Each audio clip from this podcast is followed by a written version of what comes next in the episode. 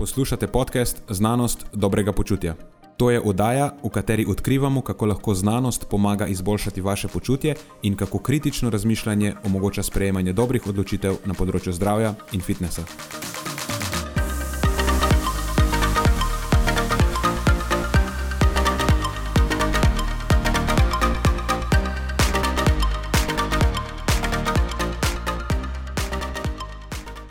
Pozdravljeni, z vami sva Nenad in moj sovoditelj Matjaš. V tokratni epizodi se pogovarjava o smiselnosti vprašanja, kaj je pri tebi novega, povzetku in lekcijah najnega šolskega leta, sporočilni vrednosti Ronaldovega zaničevanja Coca-Cole, Guinnessovem rekordu Maruše in Uruša, čestitava Muri za osvojen naslov državnega prvaka v nogometu, o prvi trans osebi na olimpijskih igrah, dopingu s prašičim boritom, aktualnem stanju Sajhaba in pomenu njihovega sodnega procesa v Indiji, podava tri nasvete za postavljanje dobrih vprašanj, govoriva o prehranskih prilagoditvah za trening pri visokih temperaturah, poveva nekaj o negativnem vplivu ustne vodice na presnovo nitratov in kako bi lahko bila ustna vodica povezana s povišanjem tveganjem za bolezni. Potem podava tudi par nasvetov o boljših alternativah za preprečevanje slabega zadaha, na koncu pa se pogovarjava še o vplivu materine in očetove telesne mase na izide nosečnosti in zdravje otroka. Preden začnemo, pa se moram zahvaliti še našim sponzorjem. Zaenkrat to še vedno ni velika korporacija, temveč zvesti poslušalci, ki nam izkazujete zaupanje in podporo s prijavo v našo člansko skupino Znanost dobrega počutja. Hvala vsem, ki s tem držite luči prižgane in omogočate podkastu, da raste in postaja še bolj kakovosten. Hvala tudi vsem, ki nas podpirate s pozitivnimi komentarji in visokimi ocenami, ter s tem, da priporočate podcast svojim znancem in prijateljem. Zdaj pa je končno čas za začetek epizode. Uživajte ob poslušanju.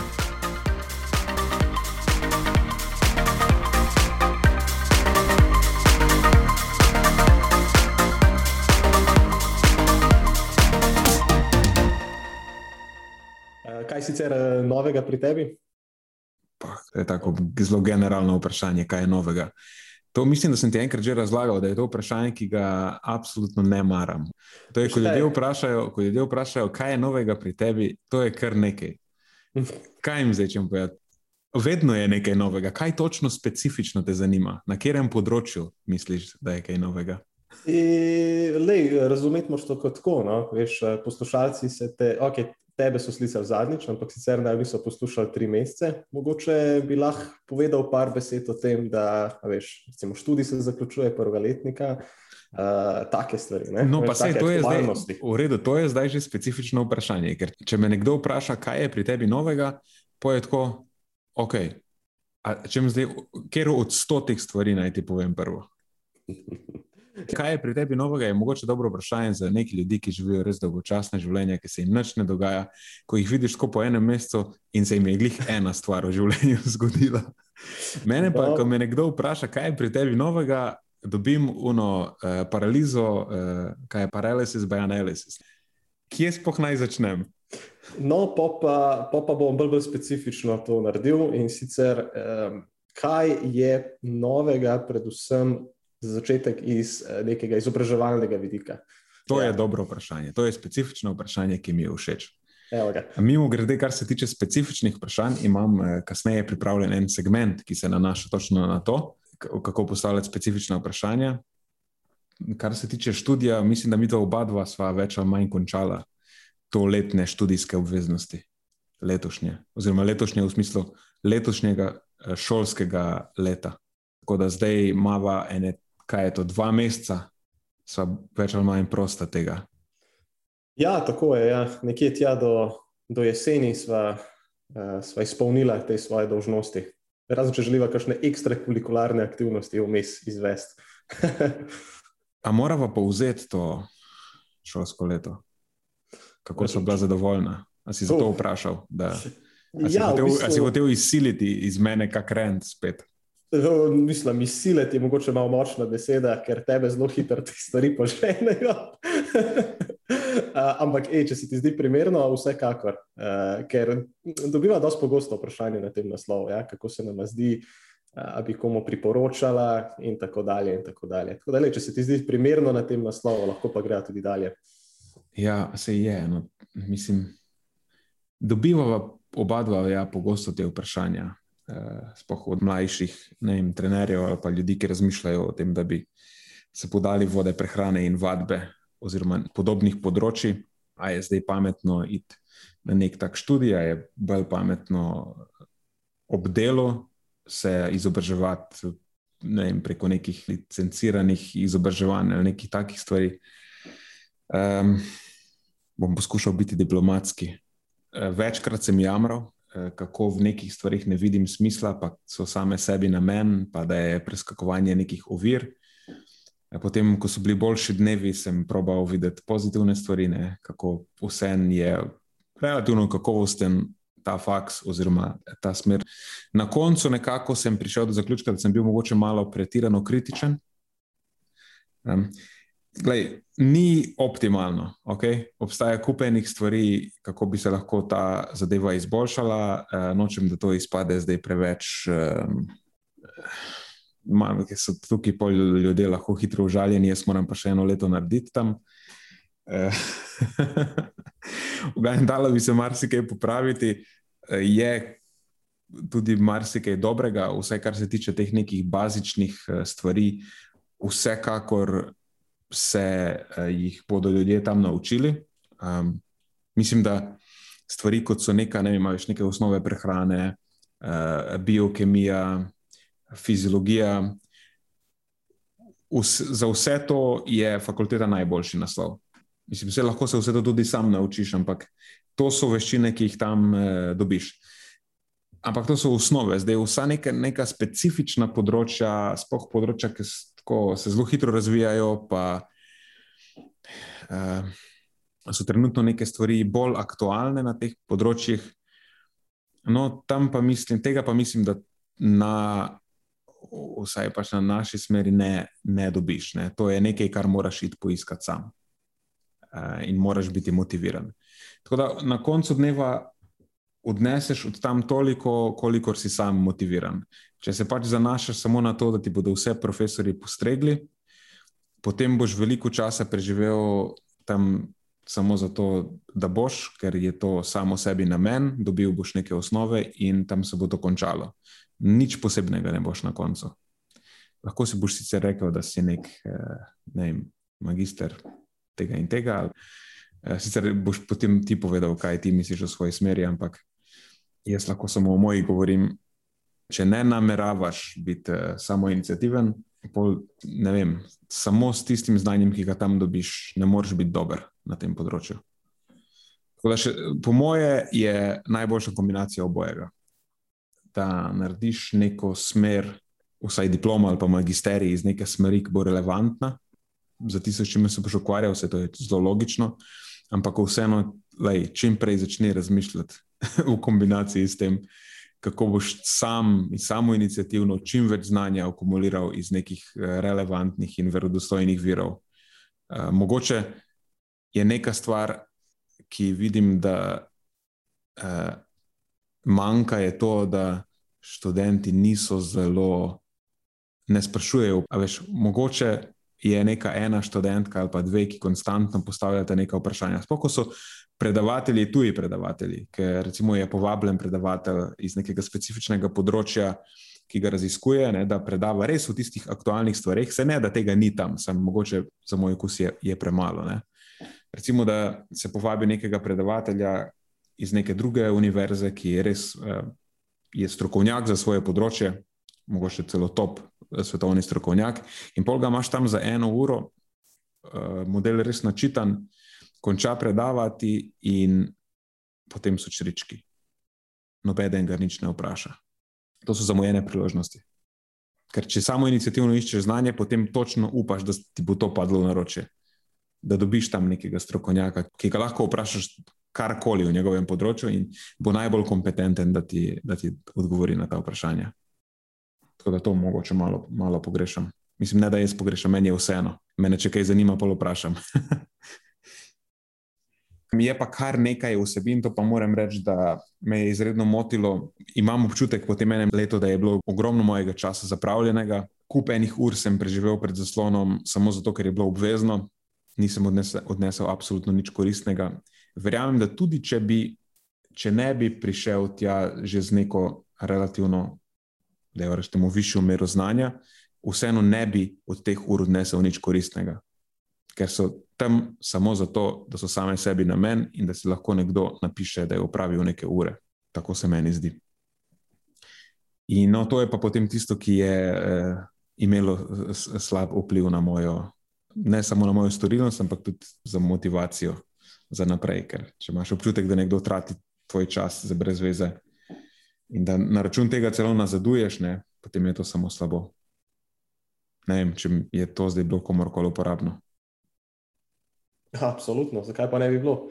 Nekdo, ki razmišlja v tej smeri, pa tudi ne v tej smeri, vse nasplošno, če greš uh, nekaj študirati, mora biti tvoj pristop tak, sam inicijativen. Če samo pričakuješ, pa spet lahko to v bistvu preneseš na življenje, nasplošno. Ne moreš skozi pričakovati, da ti bo vse nekako dano v zibelko. Ne? Ti moraš iti ven, ti moraš biti um, radoveden, ti moraš iskati neke odgovore, postavljati prava vprašanja in podobno. Tako da, ja, generalno gledano se absolutno strinjam s tabo. In vem, prvič, ko sem dobil tako malo večji pogled v ravno to, kar ti govoriš, pa pravzaprav v, ravno v Angliji. No? Tam sem dobil občutek, uh, ko sem se malo pogovarjal s svojimi uh, sovrstniki, svojimi, um, uh, svojimi kolegi, ne študenti, uh, sem imel v bistvu točno tak pristop. No? Vsi so bili nekje vključeni noter, že, nekak, na nek način so že delali v praksi, ne? so imeli neke mentorje, so delali pod nekom drugim. Uh, učili so se, zanimali jih je, predvsem to sem jim videl, no, iskro v očeh, vse je res dejansko zanimalo, želeli so si delati te stvari v praksi in potem faks je bil tako, skoraj bi lahko rekel na drugem mestu. Um, ampak ne, ne, ne na drugem mestu iz tega vidika, da jih to pač ni zanimalo in to zdaj delajo tako malo za zraven, ampak na drugem mestu iz tega vidika, da lej, oni so v osnovi zdaj tukaj, da, da delajo, da dobijo neke izkušnje, praktične in potem faks je bil tako povrhu vsega skupaj. Ne? Dobra začimba, na nek način. Ne. Ni se jim šlo zgolj za to, da grejo čez tisti proces, pa da dobijo tisti štempel oziroma tisti kos papirja. To to. Um, tako da zelo podobno izkušnjo, kot, kot jo imaš ti ta trenutek, ne na semestru, tudi na dodiplomskem. Bi pa rekel, da na tej stopni, ki pa ta trenutek delam, je pa mičken drugač, zato ker lahko sam izbiram med nekaterimi predmeti, oziroma svoj predmetnik si v osnovi sam izbiram. In sem za voljo tudi svojega študija v bistvu izbral predmete, ki so popolnoma izven mojega rajona, sicer, ali pa nekje, kjer sem šipkejši in ni v osnovi direktno povezano s prehrano. Govorimo o predmetih, kot so predvsem neke statistične smeri in podobne stvari. Da, tle pa tako, kot si rekel, no, tle smo pa zelo močni, se mi zdi. Vse te neke osnovne, bazične znanosti, tukaj lahko se. Tukaj lahko zelo, zelo veliko potegneš ven. Tako da, kar se tega tiče, sem v bistvu zelo zadovoljen. Uh, ne, moram, ne moram si nič pretežiti v končni fazi. Je pa, moram reči, da je tako zanimivo, kako, kako se malo spremenja tudi odnos med tabo in med, med profesori skozi proces samega izobraževanja. Tako na, prvem, na prvi stopni sem, ne vem, če bi se lahko zdaj lepše izrazil kot to, ampak ne vem, pač tako, tak, zamenljiv si, no? a veš, vse jim je na nek način zate. Potem že v drugi stopni sem čutil nek, nek bolj spoštljiv odnos in zdaj na tej točki pa tako kot ko, ko da smo si sovrstniki na nek način. Ne. Uh, tako da to, to je osnovi moja izkušnja. In če bi lahko dal nek um, nasvet iz tega, uporaben ali pa ne, tako kot si ti rekel, jaz bi poskušal imeti neko mešanico obojega. Zdaj, če še nisi tako teoretično podkovan, da bi lahko šel ven in pametno, kvalitetno svetoval ljudem, ali pa tudi, če imaš že neko tako. Eh, kvalitetno izobrazbo za seboj, vseeno si najdi nekoga, nekega mentorja, ne, pa neko ekipo, s katero se lahko. Eh, s katero lahko potem skupaj rasteš in se razvijaš, in uh, nekako piliš te svoje, um, ta svoje znanja in veščine. Ja, mislim, da si eno zelo pomembno stvar uh, izpostavil. Vsi so že nekaj delali, se omenil, oziroma imeli so izbrano področje. Mislim, da je to ključno. Ne? Moraš se odločiti, kaj točno te zanima, mislim, ne kaj točno, ampak vsaj neko približno smer, v katero želiš iti, in potem v tej smeri uh, raziskovati naprej, pa se dopolnjevati.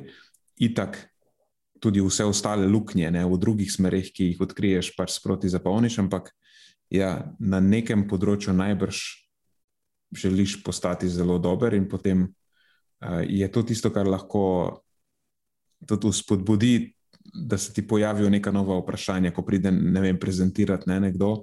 Potem, veš, v, v svojem področju imaš mogoče res kakšna že zelo specifična vprašanja, ki jih takrat lahko postaviš. Uh, tako da to je se mi zdi kar dober na svet.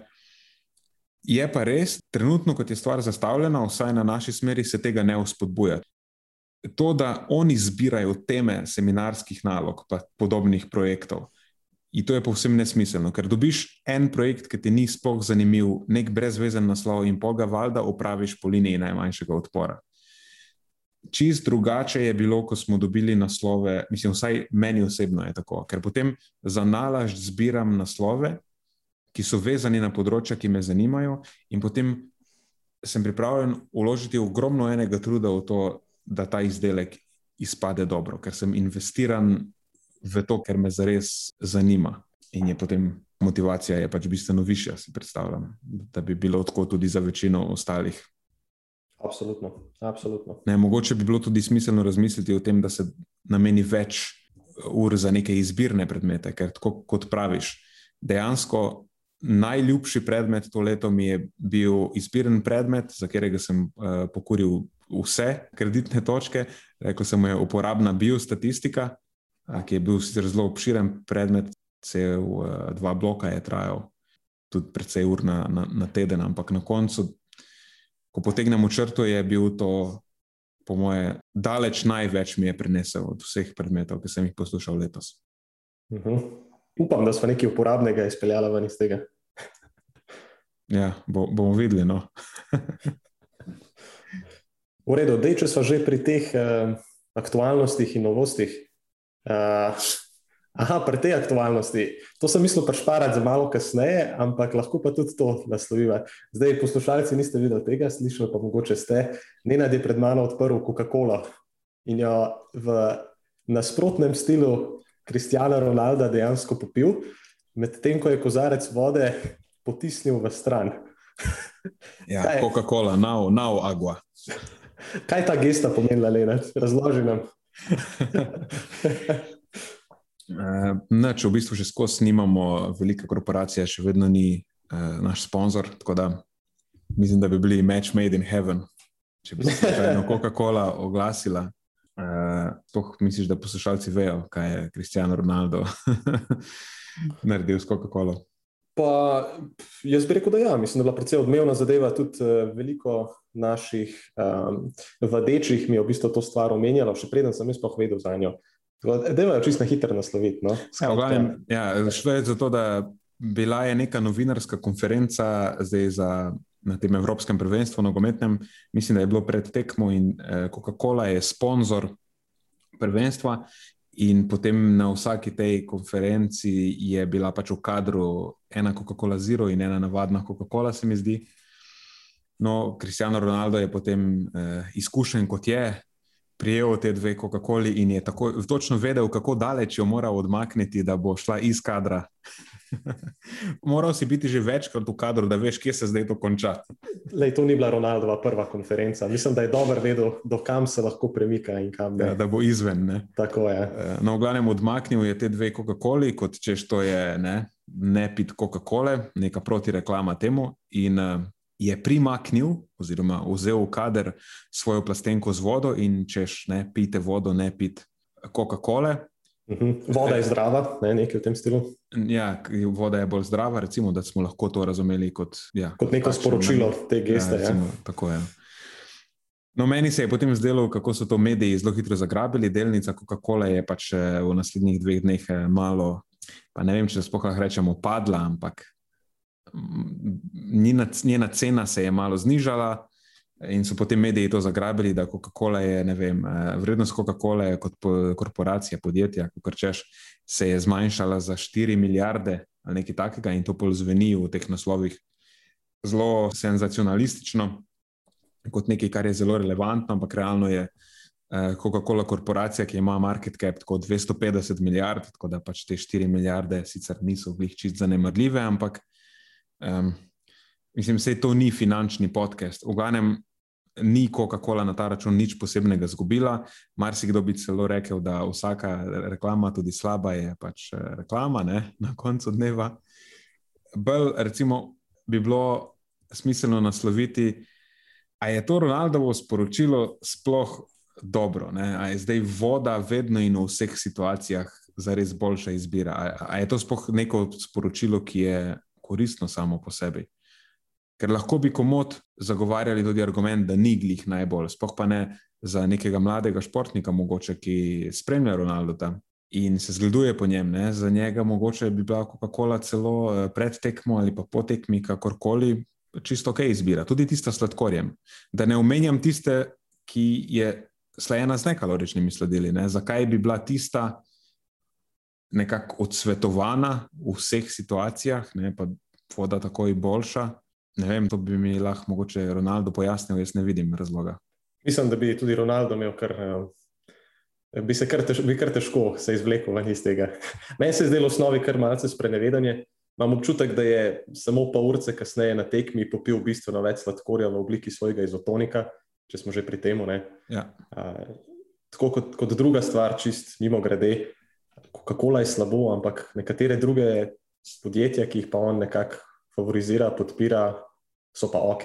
V mislih imam uh, Herbalife, naprimer, ok, rekel sem, zakaj pa ne. Uh, v tretji vrsti, tako kot si omenil, mislim, za enega mladega športnika je v določenih situacijah Coca-Cola in to tista sladkorjem, pa v bistvu je boljša izbira. V bistvu je bistveno boljša izbira, lahko. Ni vedno nujno, ampak lahko pa je. Še posebej, če se pogovarjamo o nekih Eh, kontekstih rehidracije ali pa eh, lažjega zaužitja zadostne količine oglikovih hidratov in podobnih stvari. Ja, to je pol, mislim, da tim enkrat v tim podlogar. E, mislim, da kasneje v eni ločeni situaciji, ali pa celo mogoče se je navezoval na to, je, je omenil, da dejansko Coca-Cola ima boljšo sestavo, ker je pač mešanica sladkorjev kot marsikeri gel. Uh mhm. -huh. In veš, so športniki, ki, mislim, poznam jih dejansko nekaj, videl sem potem, ki so širili to na svojih feedih na Facebooku in, in po Instagramu. In vem, da uživajo razne brezvezne gele med eh, telesno dejavnostjo, tudi takrat, ki jih mogoče ne bi rabili, pa so veselo širili Ronaldo, da glej, kakšen dober vzor je. Uh mhm. -huh. Ja, absolutno se strinjam.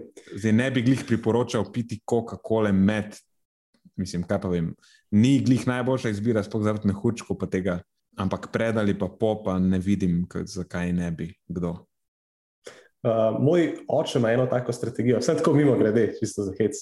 Uh, on obožuje kdaj Coca-Cola med kakšnimi temi daljšimi trail preizkušnjami, ampak kar običajno stori je, da na tistih postajah vmes mu že kaj prej nalijajo v kozarec Coca-Cola, kakšno drugo gazirano podobno pijačo, ne se Coca-Cola ni edina. Uh, In v tistem času mehurčki ponovadi malo izginejo stran. Da, uh, mogoče samo v takem kontekstu, ampak ne pa direkt ven iz flaše. to pa yeah. Ja. to ne bo dobra izbira. Što, če se srečuješ s kakšnimi prebavnimi težavami tekom nekih preizkušenj. Pa da ti pol to še poskakuje v želodcu. Pa... A, boh ne dej, no. boh ne dej. Dobro, jaz mislim, da smo demontirali Ronalda, se nam bo on kar javil v FIDE, če, če, če mu ne bo všeč najna analiza. Ti, če smo že pri vrhunskih športnikih, jaz mislim, da ne smeva iti mimo tega podcasta, da ne omenjava tega. Jaz bi, oziroma rada bi čestitala še tukaj Maruši in Urošu za neuradno sicer še ne. Usvojitev Guinnessovega rekorda v prejadrani razdalji v dvoje v kategoriji Dingi za dve osebi brez kabine. Uh, če ste malo spremljali naše medije, ste zagotovo zasledili to zgodbo. Uh, mogoče ste tudi videli na jadru naš uh, naš zelo lep filmut logo, ki je tako zelo lepo sekal ven tam. Uh, Mislil sem, da bi mogoče malo razložila okrog vsega skupaj. Zdaj, mi dva z Lenadom smo tukaj bila eh, prisotna, predvsem kot neka prehranska podpora. Lahko moče malo poveva okrog tega, zakaj je to sploh zahtevno iz prehranskega vidika in kaj smo tle storili, kaj bi lahko naredili boljš naslednjič in podobno. Po mojem, ker fajn, da začneva ja, z, z Marušo pa Zurošom. Razdalja, ki sta jo nameravala, oziroma ki sta jo prejadrala je, je tako res ogromna. 360 nautičnih mil, nevrjetna razdalja. Ja. Za dobrih 80 ur. Medtem mi nismo vedeli, da razmere vremenske lahko napoveš samo do neke mere, potem pa je pač odvisno od sreče. In lahko se zgodi, da piha zelo in je več čas naporno in je več čas delo, in dejansko nimaš čas jesti, in je razburkano morje, in je vse povsod voda. Lahko se pa zgodi, da pač ni ničesar, in potem tam sediš in čakaš, skoraj dobesedno. Ja, tle, nimaš, eh, tle ni scenarija A ali pa B, tle imaš lahko scenarij A, B, C. En je zelo dober v smislu tega, da si skozi piha in si skozi v akciji in moraš biti za to pripravljen tako prehransko, ali pa bi bilo bolj optimalno imeti take pa take stvari na voljo za prehrano. Ali je opcija C, ne tista najhujša, kjer se nič ne dogaja, pa mora biti drugače opremljen iz prehranskega vidika. Zdaj ti moraš biti pa, ja, na nek način moraš pa potem ugibati, kaj se bo zgodilo. Ne. Biti pripravljen za zlato sredino. Ja, tako da mi smo takrat pripravili večino nekih opcij za situacije, v katerih ni veliko časa za jesti, pa so zelo priročne, so bile pakirane v neke vakumske vrečke, razne granole, tako precej energijsko goste zadeve, suho sadje, pa nekaj malo oreščkov. Tudi tiste granole niso bile zelo masne, ampak predvsem ugljikohidratne. Računali smo, da eh, vseeno bi lahko bila zadeva precej eh, naporna, fizično tudi, ni to samo, da pač sediš tam. Ampak vseeno sta na koncu, kot je Maruša poročala, ko je tam voda, pa ne, ko imaš te stvari v neki ločeni torbi, pa potem moraš vedno to iti odpirati, pa je mat ven, pa nista dejansko. Ja, pa voda te zaliva na koncu. Nista dejansko uspela zaužiti toliko energije, kot smo nekako uh, upali, da bosta. Je pa tako, da vse ne, v, v teh treh dneh ta minus, ki sta ga ustvarila, jima očitno ni povzročil takšne težave, da bi jo pri tem zelo oviral. Tako da smo pa dobili precej dobrega feedbacka, kaj naslednjič lahko popravimo, ker ni zadnja, ni zadnja taka izkušnja, ki se planira. Uh mhm, -huh. Res je. Ja.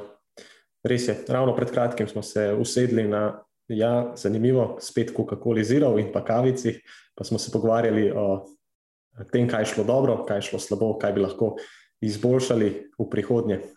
Uh, ja, zdaj pa naprej so pa spet planirane neke zelo zanimive stvari, tako da komaj čakam, da vidimo, kaj se zgodi. Ja. Ok, super. Okay. Ruša, Uroš, čestitam še enkrat. Okay, uh, a da lahko nadaljujemo tole športno tematiko? Jaz imam le še dve temi, ki ste se mi zdeli zelo zanimivi.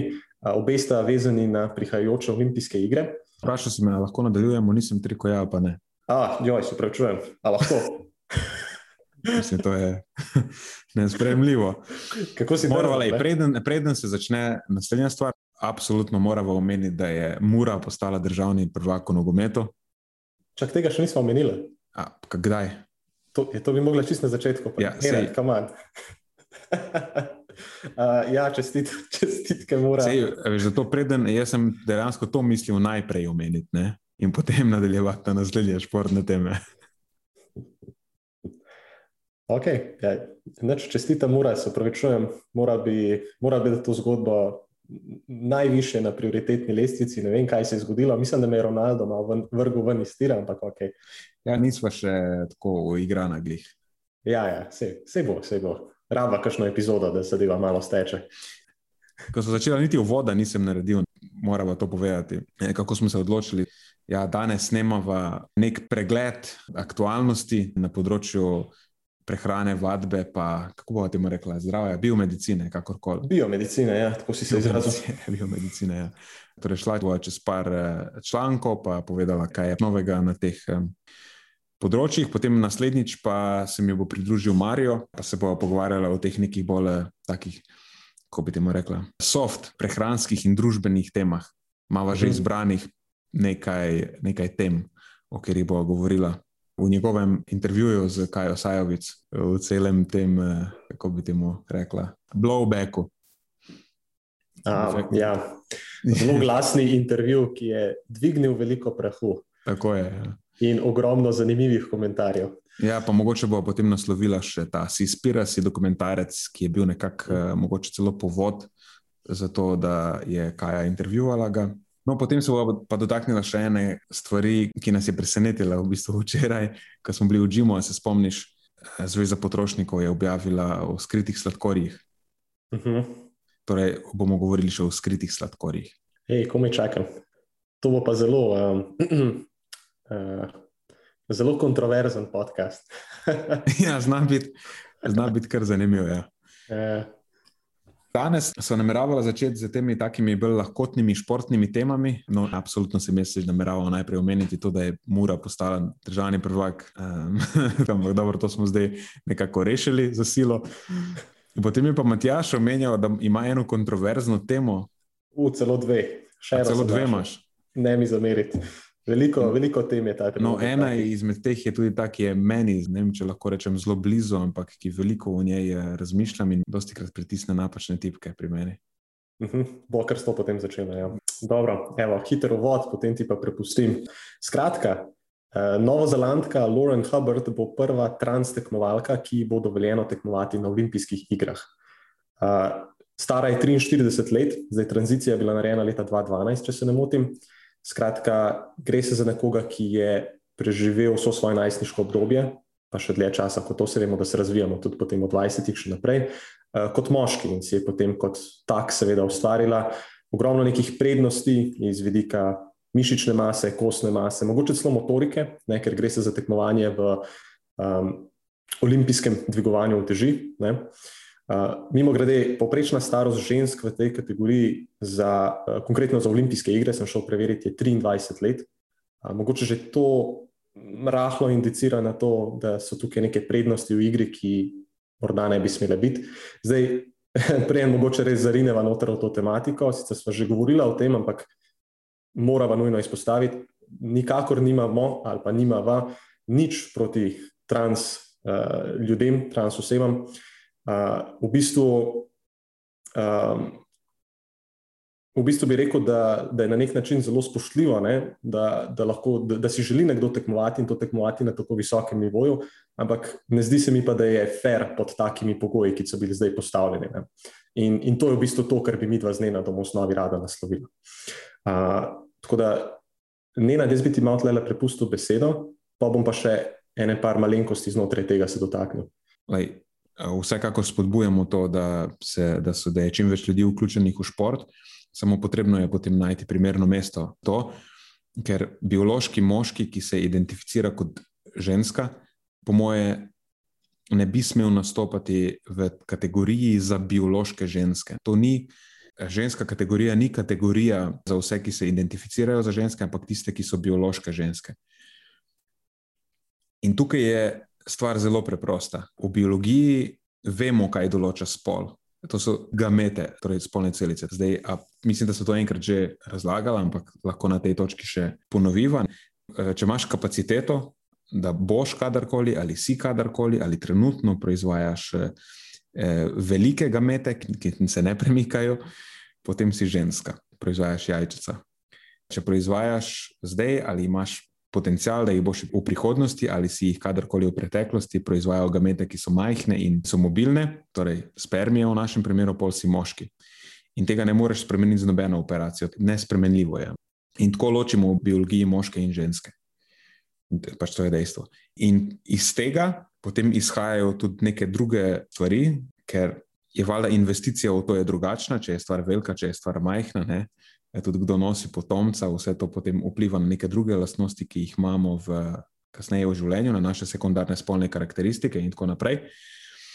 In tudi hormoni so potem tisti, ki spoh tekom, recimo, pubertete vodijo razvoj teh sekundarnih spolnih karakteristik, in na račun tega imamo moški pri vrsti človeka več mišične mase, močnejši smo načeloma, bolj eksplozivni smo, hitrejši smo, uh, višjo uh, kostno gostoto imamo, drugače smo organizirani. Ne? In to so neke, pride do nekih organizacijskih sprememb tekom razvoja, ki jih potem več ne moreš spremeniti. Če si ti preživel svojo adolescenco kot moški, si drugače organiziran v smislu razvoja kot nekdo, ki je preživel svojo adolescenco kot, kot ženska.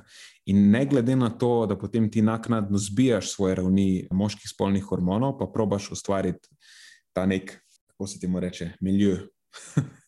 hormonsko okolje, ki spominja na žensko, ne moreš iti nazaj v čas, pa se zgraditi znova. Te neke stvari ostanejo, lahko bi mogoče celo rekli, uh, do konca življenja. Iz tega naslova imaš lahko prednost pred biološkimi ženskami v športih, ki v tebe zahtevajo. Ali pa kjer je prednost to, da imaš višjo kostno gostoto ali pa več mišične mase, ali pa da si organiziran na, na drugačen način, da imaš drugačne vzvode, celo mogoče, ne? ker vsem vemo, da je tudi skelet se drugače razvija pod vplivom moških ali pa ženskih hormonov, ne, ne samo v smislu kostne gostote, ampak tudi uh, čisto morfološko. Um, ja, in to je to, ne vem, ali sem, sem kaj pozabil, mislim. Ne, ne, absolutno ne. Um, strinjam se s tem, kar si povedal. Um, mogoče bi samo to dodal, ker vsaj meni se je zdelo zanimivo, morda tudi za poslušalce, glede na to, da je to prvi primer tega, ki se je zgodil do sedaj. Mogoče koga zanima, zdaj, kakšni so kriteriji, potem, da se lahko neka, neka transteknovalka uvrsti uh, v take igre. Uh, in vidi se, da ravno pri teh kriterijih v bistvu tudi ne upoštevajo točno tega uh, hormonskega okolja ali pa hormonskega okolja preteklosti, vsaj ne, pa tudi sedanjosti, kot boste videli v nadaljevanju. Kajti eden izmed kriterijev je ta, da se gre za delež testosterona in ta mora biti pod 10 nanomolov na liter, oziroma če to prevedem v številke, ki so meni bliže, pa pogosteje operiramo z njimi, to je cirka. 280-290 nanogramov testosterona na deciliter krvi. Če postavimo te številke malce v kontekst, Ne, nek moški, ki bi si šel upraviti krvno analizo, pa zmeraj ti ravni testosterona, načeloma je to nekje med 250 in 950 nanogramov testosterona na deciliter. Ne. Če se ne motim, da je to tisti nek zdravi rang za nekega odraslega moškega. Zdaj, za ženske je pa ta razpon, za neko zdravo odraslo žensko, nekje med 15 in 60, če se ne motim. Skratka, že ta meja je tako malce čudno postavljena, ne? 290 proti 60, ki je zgornji del ranga, pri čemer je to samo testosteron, samo pod narekovaji, ampak samo eden izmed hormonov in samo v tem neki, neki akutni luči, nič ne upošteva to, kaj se je dogajalo prejšnjih uh, eh, 40 plus let, recimo pri takem posamezniku konkretno. Ne? Tako da, ne vem, precej čudno so te postavili ta merila, tudi ostala so tako malo, ne vem, meni se vsaj ne zdijo, kaj pretirano na mestu. In mislim, da to ni prava rešitev, ne, da se postavlja neke take meje. Uh, nimam pa neke druge pametne rešitve, iskreno, razen to, da bi se ustanovilo neke posebne igre, kjer bi bile pač specifična, um, uh, specifično tekmovanje za transtekmovalce. In to je to. Ne vem, kaj ti misliš, Menat? Ja, s tem bi se kar strinjal. Mislim, da bi bila to najboljša rešitev, da se neke druge kategorije vzpostavi, mogoče celo res za nekdo, ki se bolj spozna na te zadeve, bi mogoče lahko predstavil uh, neko idejo, kako bi potekale, tako kot recimo imamo paraolimpijske igre, kjer je tudi več različnih kategorij, ker pač obstaja spektr ljudi, ki imajo različne omejitve in ne morejo tekmovati med sabo, ker ne bi bilo pošteno, in se potem pač specifično naredi kategorije, da se lahko vsi udejstvujejo, tako da je za vse udeležene dovolj pošteno. Ne? Ker na koncu dneva to je na nek način tudi moralno vprašanje. Sej, jaz sem, tako kot pravim, absolutno za to, da, da, da se ona vključi v tekmovanje samo ne more to biti na račun vseh ostalih bioloških žensk, ki tam tekmujejo, ker to so osebe, ki so celo svoje življenje si prizadevajo za to, se odrekajo in zdaj, a veš, pride v to kategorijo nekdo, ki ima pred njimi, pa da je rečemo, ne, nepošteno prednost. Zdaj je kup enih prikrajšanih za to, da so nekomu drugemu kao prihranjene muke, zato ker je on, ne vem, a je ona zdaj kaj več vredna, zato ker je trans veš, moramo nekako dodatno spodbujati na račun vseh ostalih. Mene se to ne vidim, kupenih problemov v tem in ne moremo samo na račun ene osebe eh, zanemariti to, da bo za vse ostale potem tekmovanje bistveno manj pošteno. No, po moje, nekako vidim kot zelo smiselno rešitev to, da se ustanovijo ene posebne, recimo igre za vem, trans in še koga drugega, in se potem spet razvrsti kategorija. Veš, biološki moški, ki se identificirajo kot ženske, pa ena kategorija več za biološke ženske, ki se identificirajo kot moški. In ne vem, še mogoče vse ljudje se. Obstaja veliko ene sivine o tem, kako se ljudje identificirajo, ne, kakšno, uh, da so, kako bi radi izgledali, in s tem ni absolutno nič narobe. Samo ko govorimo o športu, ki je neka taka stvar, ki je zelo merljiva, pa potem je pač te kategorije treba smiselno zastaviti, tako da je pošteno za vse vključene. Ja, Lej, tako kot si rekel, nekdo, ki je pametnejši od najo na tem področju, bo tukaj lahko podal nekega dne bolj, bolj konkreten odgovor. Um, ampak do takrat bi pa samo to rekel, da tako kot so si zdaj to zamislili, se mi ne zdi, da ravno najbolj pije voda. Tako da bomo videli, kaj se tukaj zgodi v prihodnje. Ne? Veš, kaj me, to sem te hotel vprašati, kakšni so njeni rezultati v primerjavi z ostalimi tekmovalkami? Ona se omenja kot nekdo, ki je resen kompetitor za medaljo. A je, ne, obstaja možnost, da ona dejansko zmaga? Uh, ne vem, nisem tako uh, zverziran v teh njenih rezultatih, da bi ti znal lepo dati odgovor. Ampak, kot sem razumel, je to nekdo, ki je bil precej dominanten, vsaj v neki nacionalni kategoriji, da se lahko vrsti na olimpijske igre. Tako da mogoče že to priča k nečemu. Ne vem pa, kaj zdaj to pomeni na, na dejanski najvišji ravni, ne, ko se tekmujejo vse države proti vsem. Ne. A je bilo to pred kratkim, je bilo lani, ko je, mislim, da celo zmagala v ja. Samoji ali kje so to neke te. Uh, kaj so oce, igre v oceani ali nekaj takega. To so igre v oceani, res je. Ja. Uh, se pravi, ona iz, iz Nove Zelandije. Ne. Tako da, ja, to so le igre v oceani. Ja. Eh, nekaj držav je že tukaj vključenih, sicer ne bi rekel, da so to neke vele sile v olimpijskem dvigovanju teži, ampak vseeno. Ja, mislim, te stvari je treba res pa bolj pametno ločiti, nekaj drugače. Nismo ničesar rešili, če zdaj nekoga, ki ga kao dvignemo malo više, zato ker je bil zatiran celo življenje, pa na račun tega zatiramo 30 drugih ljudi. Ja, ustvarimo več nekak, problemov, kot ja, smo rešili. Ja. ja, to se mi nekako ne zdi zelo smiselno. Mm.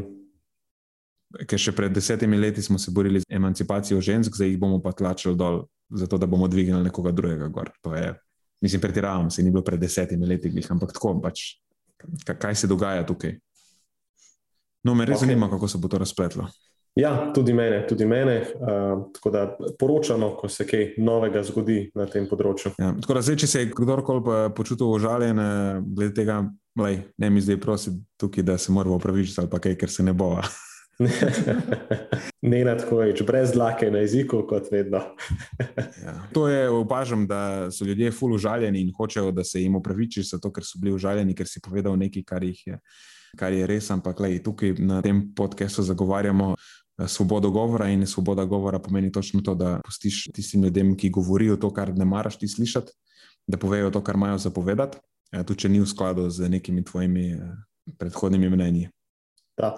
Je da. pa tako, da doskrat glih tisto, kar ni fajn slišati, je tisto, kar moraš slišati.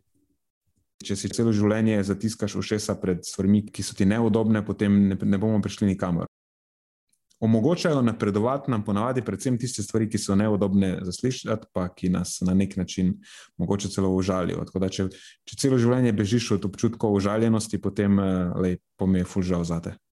Pravilen pristop je, da siliš v to noter, če smo že iskreni. Ja, uh, kako je že, uživajmo v neodobju. Se tudi že enkrat pogovarjala o teh stvarih. Ja. Okay. Uh, v stilu svobode govora, bi jaz le nadaljeval še z eno zanimivo tematiko, ki meni se je zdela precej smešna. Razumem pa, da za to uh, gospod, ki se je to zgodilo, najbrž ni. Ampak eh, čist, čist hitra zgodba, mogoče bo tudi tebe malo nasmejala. Uh, gre se za eno atletinjo, Shelly Hulihan, sicer zelo dobro tekačico na 1500 metrov, ki pa je pred kratkim padla na doping testu za substanco imenovano nandrolon, to je androgen, ne, ker je anabolni steroid. No, ampak zakaj se mi je zgodba zdela smešna, sicer zelo nesmešna situacija v osnovi, ampak uh, zdaj, k, čemu, k kateremu dejstvu je nekako Shelby pripisuje ta pozitiven doping test. In sicer pravi, da se je zgodil na račun, pazi, to ne nad kontaminiranega burita. Ne hecam se, kontaminiran burito je navedla kot svoj uradni izgovor. Kaj je to, kojinski burito? Ne, prašiči prašiči. Pazi to, ne? ko je Shelby prejela to sporočilo, sre, gre se tiste, vzamejo, izmrznejo in tako naprej. Imajo pač precej velik nek eh, nabor teh stvari, težko shajajo sproti s tem. Šlo se v bistvu za vzorec iz decembra lani, tako da rezultate je še pravzaprav šele zdaj prejela. Ne? In ko je prejela to sporočilo, da je padla na doping testu, naj bi šla gledati svoj dnevnik prehranjevanja. Mimo grede, šel sem pogledati njen Instagram post, med drugim tudi, ne, kot tudi uradni odgovor na to. Uh, no, in videla je, da je tisti dan, uh, oziroma tisti dan pred testiranjem, je šla jesti ven uh, in to nek prešiči borito, za katerega zdaj pravi, da ne bi vseboval previsoke količine nandrolona in to ne bi bil pač vzrok pozitivnega testa. Da, ne vem, kaj naj rečem na to iskreno, to je pa precej visoka stopnja sprenevedanja. In če mu pripisuje ona, da bi lahko imel prašiče borito? Ja, ja, pazi to. Ne? Se pravi, ker meso, seveda, ne, ne, ne bi vsebovalo, oziroma lahko vsebovalo visoke količine nekih uh, steroidov, oziroma hormonov in takih stvari. In potem, ko je ona to zaužila, je to nekako prišlo njej. Ja, ampak ne, po mojem, ne dajo teh derivatov istih kot eh, tekmovalcem. Mislim, ne vem, lahko pa da se motim. Ne rad, jaz, veš, da, veš, da jaz to razumem. In mislim, da to tudi mednarodna antidoping agencija zelo dobro razume. Ampak eh, Shelby pa mislim, da očit, mislim, več kot očitno ne. Uh, in seveda je že prejela negativen sklep na to njeno um, na ta njen odgovor. Ne, da, no, bo bolj še to, kot pa da se borito je uvrstil na vada listo. e, če bi bil pa to končna, končni skupiček te zgodbe, to pa res žalostno. To bi bilo super komično. To bi bilo super komično. To bi bilo super komično. Lista prepovedanih jedi vade. Ja. Prva uvrščena stvar, prašiči borito. prašiči borito. Jaz, jaz nisem mogel govoriti. Čeprav roko na srce, slišal sem že ogromno neumnih zgodbic skozi vsa ta leta. Uh, in moram reči, da me tudi ta ni pustila na cedilu. No. Zdaj, jaz ne, ne spomnim se res 100%, ampak mislim, da se spomnim enega incidenta, ko je nekdo celo uh, rekel, da je bila kriva zobna pasta za njegov pozitiven test, da mu je nekdo tja notri nekako uh, kontaminiral tisto. Tako da, kaj ne rečem. No. Veliko smešnih zgodb je, še veliko jih bo. Uh, ta zadeva zagotovo ne pije vode. Hotel sem samo tako na hitro omeniti, ker se mi je zdelo tako zabavno, pa olimpijske se seveda približujejo. Uh, upam, da da, da ni podobna zgodba v ameriškem kampu na splošno, zato ker v zadnjih letih je kar precej dobrih uh, srednje progašic ravno iz uh, ameriške baze. Da upam, da ne jedo vse, oziroma vsi rešiči moritev in da je to razlog za njihov uspeh. Da bomo videli. To je, uh, ja, to je pa že ena spet. Uh debata, ki je ne bo zdaj načenjala, ker je Absolutno, prav tako kontroverzna, ne. koliko, pa, koliko ljudi sploh eh, si pomaga z posebnimi športnimi dodatki in eh, ne, ne, kako razširjena je in kaj. In, ja. Ne, ne načenjaj tega, če ne bo ta podcast dolg 4 ure. Okay. Ja. Ampak še kaj športnega? Iz teh sveta, novosti, aktualnosti sem jaz stvari izčrpal. Edina športna tema, ki mi ostane, je pravzaprav bila mišljena za glavni del. A spremljaš mogoče Evropsko prvenstvo v nogometu, mislim, razen Ronalda in Coca-Cola? Mm, sram je bilo, ampak ne.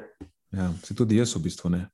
In to je prvič, ko ne, iz nekega čudnega razloga. Ne ja, tudi jaz imam občutek, da precej ljudi nekako ni, ni zaznati takega navdušenja, kot je bilo ponavadi za te stvari. Zanimivo, mogoče nas je čisto eh, preokupiralo to, da je bilo zadnje leto tako nenavadno in smo celi eh, apatični zdaj že. Morda nenavadno. nisem iskal nobenih globih razlogov za to, samo enostavno ni me pritegnilo in vse, možno da je res kaj na tem. No. Ja. Ker vse, ki jih vprašam, je tako, ali ja, ampak tako malo samo tu in tam, ali sploh ne. Ne vem, no. zanimivo. Se pa zelo, zelo veselim olimpijskih iger, tle pa bom spremljal vse od A do Ž. Da, kaj pa vem, težko reči. Mogoče pa pač nisem tak nogometni fan. Bova potem vzdrževala nek olimpijski segment. Ja, ja nujno. nujno. Okay. Uh, ja, jaz imam pa eno pomembno stvar, kar se tiče eh, področja znanosti, pa odprte znanosti. Uh mhm. -huh. Že so omenjala našo piratsko kraljico v preteklosti, je tako Aleksandro Elbakjan. Tako. in njen projekt uh, SciHub. SciHub v zadnjem obdobju preživlja v zadnjih nekaj mesecev precej težkih. Glih danes sem poslal Matjažu en članek, če ga lahko njemu odpre in ga tudi njemu ne more od, odpreti. Oba dva sva imela nekako uh, nek občutek, da mogoče, ker imamo oba dva nove računalnike, da je zaradi tega, ker so pozabila namestiti kak ta extension, kako se temu reče, podaljšek. Uh, ki, ki, ne, na, na katerih ta sajha blaufa in nam zato ne odpira novih člankov, ampak v bistvu ni tako. Kot se je izkazalo, je projekt Sajhab pod novim napadom, hočejo nam ga izklopiti. Sajhab je neka zadeva, preko katere lahko vsi, ki niso člani nekih univerz ali pa podobnih ustanov, brezplačno dostopajo do znanstvene literature. Ker, kar se tiče znanstvene literature, je zadeva precej, eh, kako bi sploh temu rekla. Nekako je znanost danes še vedno, eh, mogoče to sploh ni večini jasno, ampak zaklenjena je v teh nekih slonokoščenih stolpih, še vedno se znanost drži v stran od širše javnosti. Večina člankov ni dostopna širši javnosti. Ne? Znanost je še zmeraj nekaj, kar je rezervirano za posebno kasto.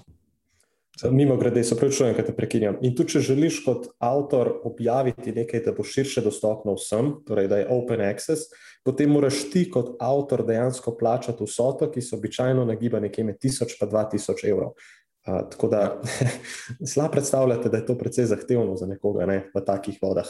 Tako je. Založniki teh znanstvenih revij služijo ogromno denarja iz obeh strani. Jaz ne vem, kako je to sploh legalno.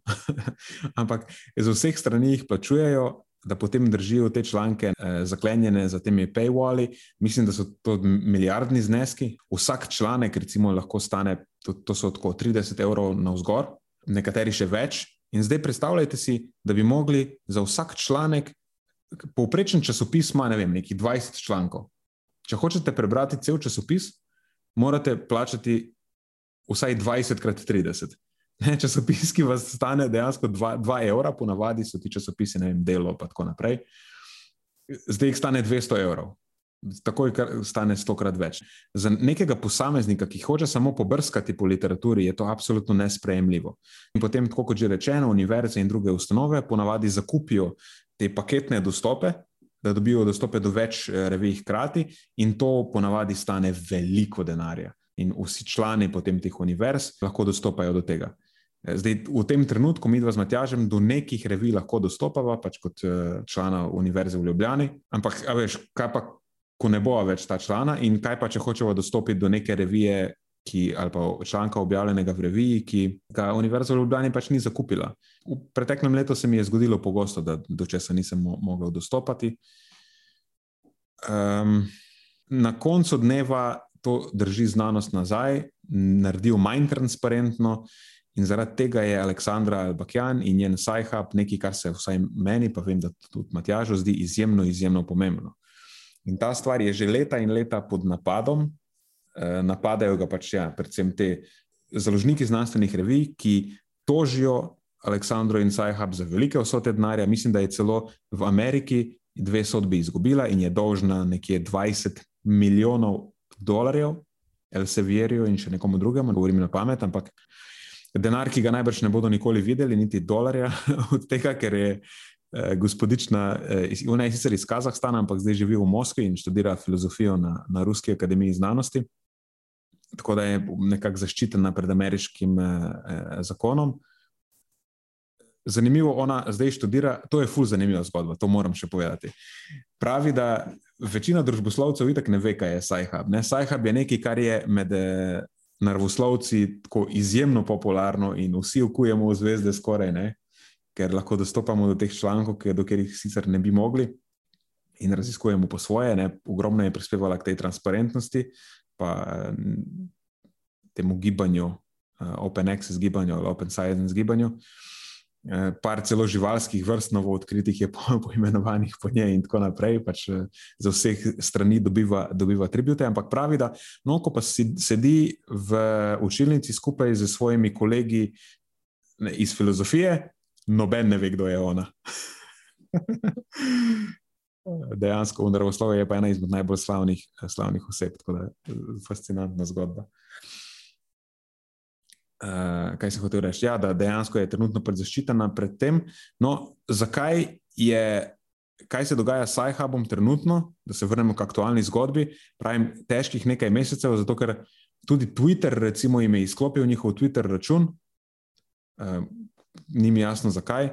Zadeva je blokirana tudi v par evropskih državah, mislim, da v Avstriji in Franciji, pa potem tudi v Britaniji, se mi zdi. Uh, um, preiskujejo FBI v Ameriki, se je to jasno zakaj. No, zgodba se je pa še dodatno zapletla, ker od začetka 2021 se Sajhab več ne osvežuje. To pomeni, da vsi članki objavljeni po tem datumu, oziroma po začetku tega leta, so nam vsem, ki uporabljamo Sajhab, nedostopni. Ne? Vsi novo objavljeni članki ne moremo do njih dostopati preko, preko Sajhaba. In to gre za odziv na, na tožbo. Trenutno poteka proces v Indiji. Elsevier toži v Indiji, nisem šel preverjati, zakaj točno v Indiji, kakorkoli, ampak na indijskem sodišču uh, se trenutno prereka Aleksandra z temi velikimi uh, založniki. In sodišče v Indiji je naročilo, da neha osveževati stran, in ona do zdaj ni nikoli upoštevala tega. Sajhab, selila ga je, če so jih zaprli stran, server je varno skrivan, noben ne ve, kje so. In nekako podtalno deluje, no zdaj pa se je odločila spoštovati ta navodila indijskega sodišča, ker dejansko verjame, da bi lahko v Indiji premagala Elsevier, da bo to indijsko sodišče spregledalo, da je, da je njen boj eh, relevanten in legitimen in da jo bo priznalo kot zakonit projekt. In če bi se to dejansko zgodilo, to bi bilo super, ker potem bi bila Indija prva država, ki priznava Sajhab kot nekaj, kar je eh, zakonito. Je pa stvar, bi morala biti zaključena že, mislim, da marca, pa so potem predstavili na aprila, pa zdaj naslednji datum, mislim, da je 6. julij. Tako da ne vem, sicer, če se bo 6. julija kaj zgodilo, bomo videli. Ja, kaj je rečem? Aleksandra je zvezda v mojih očeh. Jaz bi rekel, da je ena izmed najbolj vplivnih oseb tega stoletja, da, pa vsekakor iz vidika znanosti. Da, drž, držim pesti, da se ta stvar dobro konča za njo, ker če mhm. se dobro konča za njo, se dobro konča za številne druge iz tega žmohta. Tako da uh, bomo videli. Ne? Pa tako, tudi če izgubi v Indiji, dejansko, po mojem, bo samo zagnala stvar nazaj in z Bogom. pač čakamo, da se konča ta zadeva v eni ali drugi smeri, da lahko spet dostopamo. In močno dvomim, da bo potem kar kaj, a bo izklopila. Če ga zdaj toliko krat ni, po mojem, bo pač rekla v redu, pa bomo pa nadaljevali tako, kot smo do zdaj. Ne, nadaljevala bo po stilu Pirate Bay, uh, proxy se bodo menjali, ja. uh, stvar bo underground. Ne, se, ne rabi se niti nič zamenjati, ker stran deluje še naprej. Do, zdaj je trenutno na strani, so dostopni vsi članki do konca 2020. To je 85 milijonov znanstvenih člankov, še zmeraj je to ogromno člankov, samo najaktualnejši niso objavljeni. Vzdrževanje teh serverjev eh, s takšno količino podatkov je izjemno drago. Je pa zanimivo, da trenutno sprejemajo donacije samo v bitcoinih. In po, po nekih uh, podatkih je nekoč, če Sajhab imel v denarnici 93 bitcoinov, mislim, da bi to zdaj bilo vredno nekaj 3 milijone dolarjev ali nekaj takega. Tako da se najdejo ljudje, ki darujejo te bitcoine. Ne moreš preko PayPala, recimo PayPal jih omeji, ker je ameriško podjetje in v Ameriki je zadeva nezakonita.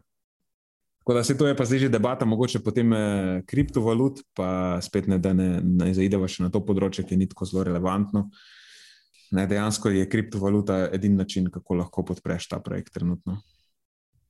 Ja, prej si omenil, da to ni finančni podcast, to mi je bilo malo čudno. Mislim, da boš ti začel malo zaideti. Kdaj sem to omenil? To ni res, to je finančni podcast tudi.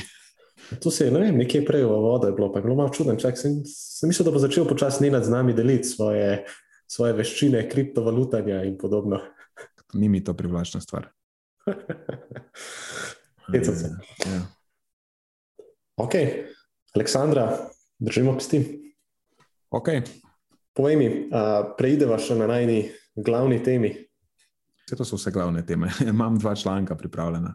Ja, neka arbitrarna razdelitev tega podcasta. Ne bo rečva, da so to zdaj neke aktualnosti, novosti, pa da so zdaj to glavne teme kjer se dotikamo nekih člankov do besede. Aktualnosti ne? in članki. Ja. Ok, a bo zapakirala to stvar kot sendvič, ker vem, da tako mi dva operirava ponovadi. A da naredim jaz prvega, pa potem ti pa. Tako. Zaključim. Okay. Vse moja dva sta. V duhu tega, kar sem obljubil na začetku, da ne bom preveč kompliciral, uh, sem zbral dva članka, ki sta se mi zdi precej uporabna, pa nista dejansko neki, uh, niti raziskavi, ampak sta pregledna članka. Prvi je Gardner in sodelavci, to je Christopher Gardner iz, iz Stanforda. Njegove raziskave so že večkrat omenjale, eden izmed najbolj eh, premier raziskovalcev na področju prehrane.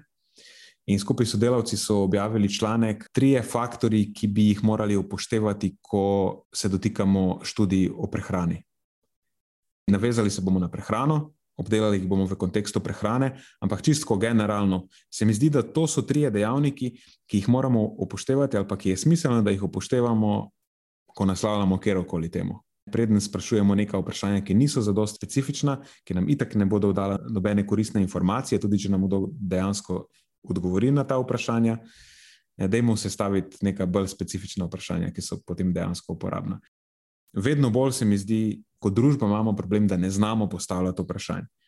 In če si ne znamo postavljati vprašanj, potem se nikoli več ne moremo naučiti. Ker prvi korak do tega, da se začnemo učiti, je to, da spoh znamo postaviti vprašanje, da se znamo vprašati, okay, kaj ne vemo in ali nam lahko nekdo na to specifično stvar pomaga odgovoriti.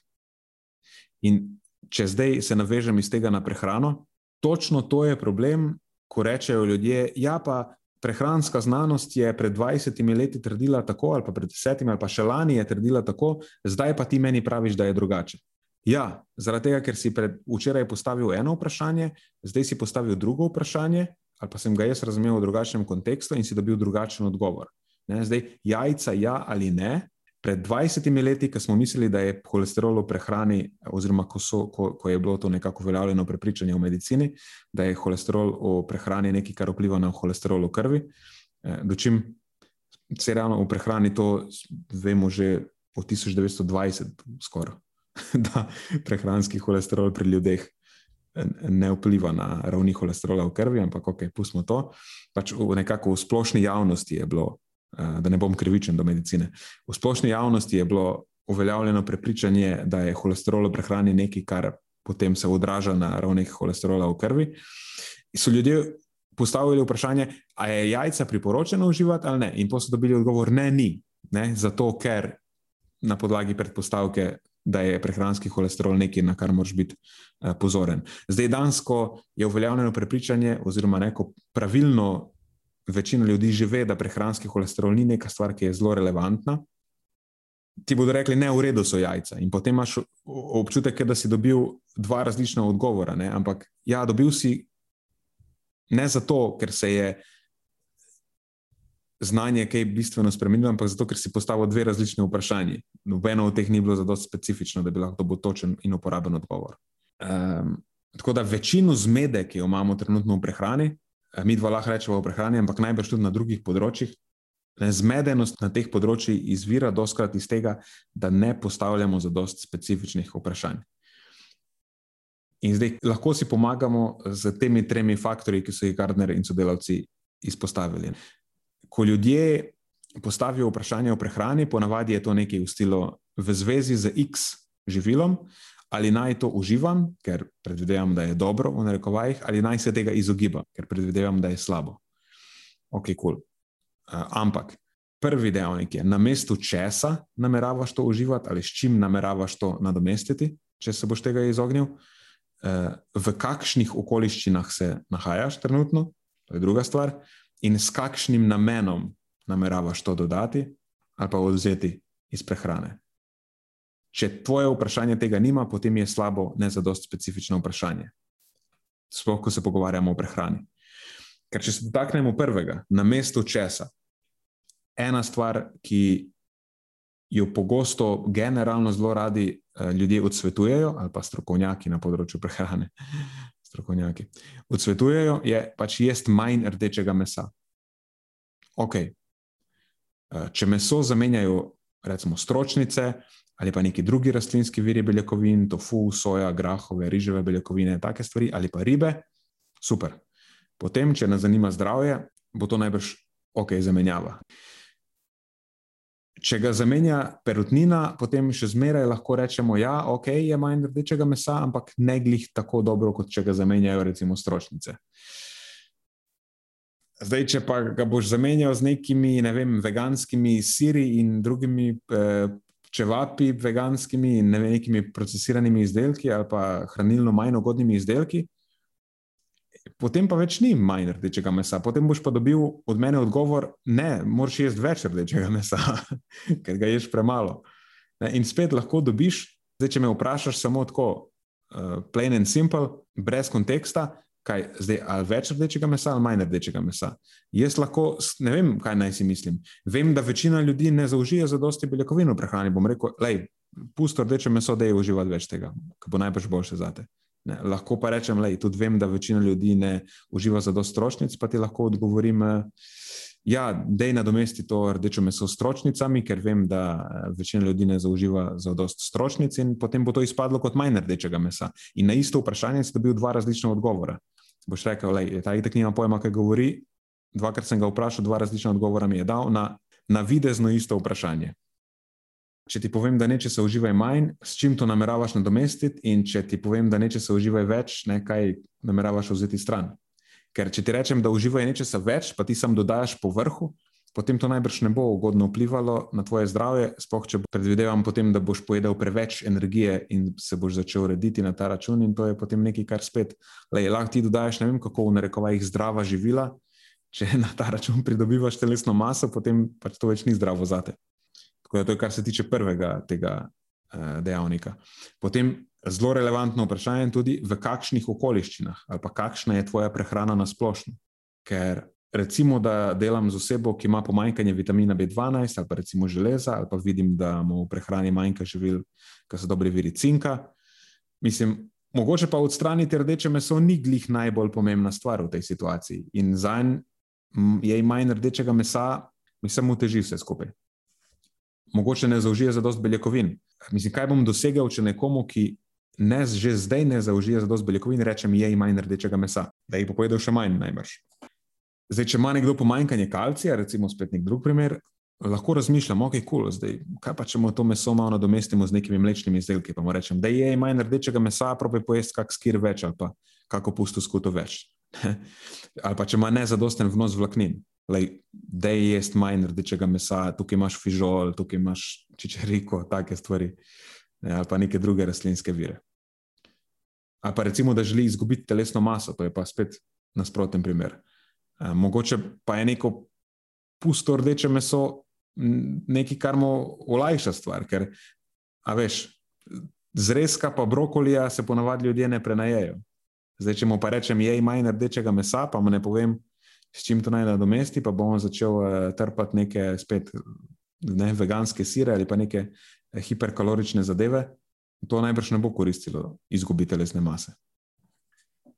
No, in potem še zadnji, tretji, s kakšnim namenom. Zdaj, vse to, kar smo povedali do te točke, se nanaša na zdravje, več ali manj. In tudi večina raziskav iz najnega področja zanimajo nas zdravje ali pa recimo športen rezultat ali pa vpliv prehrane na telesno sestavo in zmogljivost in tako naprej. Je pa res, da so danes vedno bolj pomembne tudi neke druge stvari. Zdaj, kakšen je vpliv na okolje, pa na podnebje, pa na biodiverziteto, pa na dobrobit živali. Pa, in potem so še neki drugi dejavniki, kulturni, imamo socioekonomski. Ne. Zdaj, nekomu reči, da pač, okay, so neka živila za njih za dost poceni, pa si jih lahko privošči, ampak niso bili najbolj idealna, ampak so še za me vseeno dovolj dobra, ne reči, da je pojej tega manj, pa kupi enega dražjega, malo več. Ne vem, kako to se meni ne zdi smiselno. Ne, in spet lahko dvema na, na isto vprašanje, če delam z dvema različnima osebama iz različnih nekih eh, kulturnih ozadij ali pa z, nekimi različnimi eh, temi socioekonomskimi, kako bi temu rekel, kapacitetami. Lej, lahko bom na, na isto vprašanje, ki ni dovolj specifično, mogel dvakrat ne, odgovoriti različno. Tako da, če hočemo imeti dobre odgovore, ki so konsistentni, oziroma ne, ki nam ne dajo občutka, da so nekonsistentni, pa je treba postavljati dobra vprašanja. In dobra vprašanja so specifična vprašanja. Zadnjič sem na Instagramu objavil povabilo ljudem, da postavljajo vprašanja, in sem dodal spodaj disclaimer, da odgovarjam na dobra vprašanja, ker na slaba pač ne moreš odgovoriti. Uh, Sploh pa ne tako, da bi bilo uporabno. In sem bil ne vem, če lahko rečem presenečen, ampak dobil sem nekaj vprašanj, ki so bile tako pač neodgovorljiva. In me je spet spomnilo, da bi bilo dobro delati na tej veščini, postavljena vprašanja. Hm. Ok, super, super segment, všeč mi je. Uh, me je takoj spomnil na, točno na te Instagram storije, ki si jih takrat postavil. In me je spomnil na to, zakaj tega pogosto ne delamo, oziroma enega najmenjega pogovora, ki je pa zdaj mogoče že kakšno leto ali pa dve celo star, ko smo se malo pogovarjali o tem, kako bi, kako bi večji engagement naredili na Instagramu, pa smo takoj prišli do zaključka, da mogoče QA ni ravno najboljša izbira na tem naslovu. Uh, je že bistveno bolje odgovarjati vprašanja v tej obliki tukaj. Uh, na srečo tudi dobiva potem tudi bolj kvalitetna vprašanja, ali pa vsaj prefiltriramo med tistimi. Pa, pa druga stvar je pa tudi to, kar pa nima veze sicer s tem tvojim segmentom, ampak tudi, da lahko odgovoriš bolj kvalitetno na tako vprašanje, ne, ne pa v tisti zelo kratkih, eh, na hitri obliki. Mhm. Kaj imaš ti pripravljeno, Matjaš? Uh, jaz pa kar nadaljujem v tem stilu olimpijskih iger, uh, oziroma na to, da smo imeli zdaj že dve zgodbi vezani na to, pa da smo imeli tukaj vročinski val. Uh, danes je na srečo tudi malo ohladilo, tako da mi je malo lažje snemati. se mi je zdelo smotrno povedati, mogoče par besed o tem, kakšne tehnike se uh, športniki poslužujejo tekem tekmovanj na visoki zunanji temperaturi. Seveda bolj iz prehranskega vidika, ker tudi olimpijske igre v Tokiu bojo nekaj, um, bo precej zahtevne iz tega vidika, nekega vročinskega stresa in podobno. Uh, poleg tega imamo pa tudi eno atletinjo, s katero sodelujemo, Maja Mihalinec, ki gre v Tokio kmalo na svoje druge olimpijske igre in se bo tudi posluževala nekatere izmed teh strategij. To se mi zdi zanimivo, mogoče za poslušalce. Um, zdaj, prva stvar, prvi disclaimer, ki ga moram dati, in mislim, da je zelo pomemben, je to, da kaj pretirano veliki iz prehranskega vidika tukaj enostavno ne moreš narediti. No. Se nimaš neke magične tablete, s katerimi bi lahko v neki zelo signifikantni meri vplival na na to. No. Mislim, če se nekdo pregreva na vročini, ne cel dan, ne, potem težko kaj iz tega vidika narediš. Uh, se je bolje poslužiti kakšnih zunanjih tehnik ohlajanja. Uh, mislim, da gre nekdo v bolj nek klimatiziran prostor, če je to spet na razpolago. In podobno bom par teh strategij oziroma tehnik tudi omenil potem na koncu. Um, zdaj, obstajajo pa prav strategije načrtnega treninga na vročini, ki potem vodijo do adaptacije v tem kontekstu, da potem nekdo bolje tolerira vročino in potem bolje tekmuje na njej. Ampak to, roko na srce, seveda ni moje področje, zato bom raje pustil na miru. Mogoče pa nekaj, kar bi lahko vprašala Tima, ko se nekega dne ponovno vrne na podcast. Zdaj se ta seznam vprašanj za Tima, sem še daljša in daljša, tako da počasi nam bo pač moral ugoditi. um, ampak bom pa tudi med viri za naše Patreon podpornike postil en uh, zelo dober pregledni članek specifično na to temo. Če bo koga zanimalo, je tudi napisan uh, na relativno poljuden način, kot se to seveda da v neki znanstveni uh, literaturi. Pa objavljen je bil leta 2019, tako da brez skrbi, da se ga dobi če na sajhubu. Um, okay. Tako da ključne smernice, kar se tiče nekega prehranjevanja na visoki temperaturi, pa niso postavljene zdaj v nek poseben vrstni red, samo tiste najpomembnejše stvari, ki so se mi zdele vredne uh, omembe. In prva je sicer zelo enostavna, in tukaj tudi ne odkrivamo nobene tople vode, dobesedno ne, zato ker bi bilo bolje, da je ta voda, ki jo popijemo, hladna, in to je, da popijemo dovolj tekočine kot take. Tako da neka taka klasična smernica, o kateri smo se z Nenadom že pogovarjali na tem podkastu, uh, je enostavno to, da spremljamo občutek žeje in pa barvo urina, Ne rabimo tukaj kaj bistveno preveč komplicirati. V večini situacijah za večino ljudi bo to čisto ok.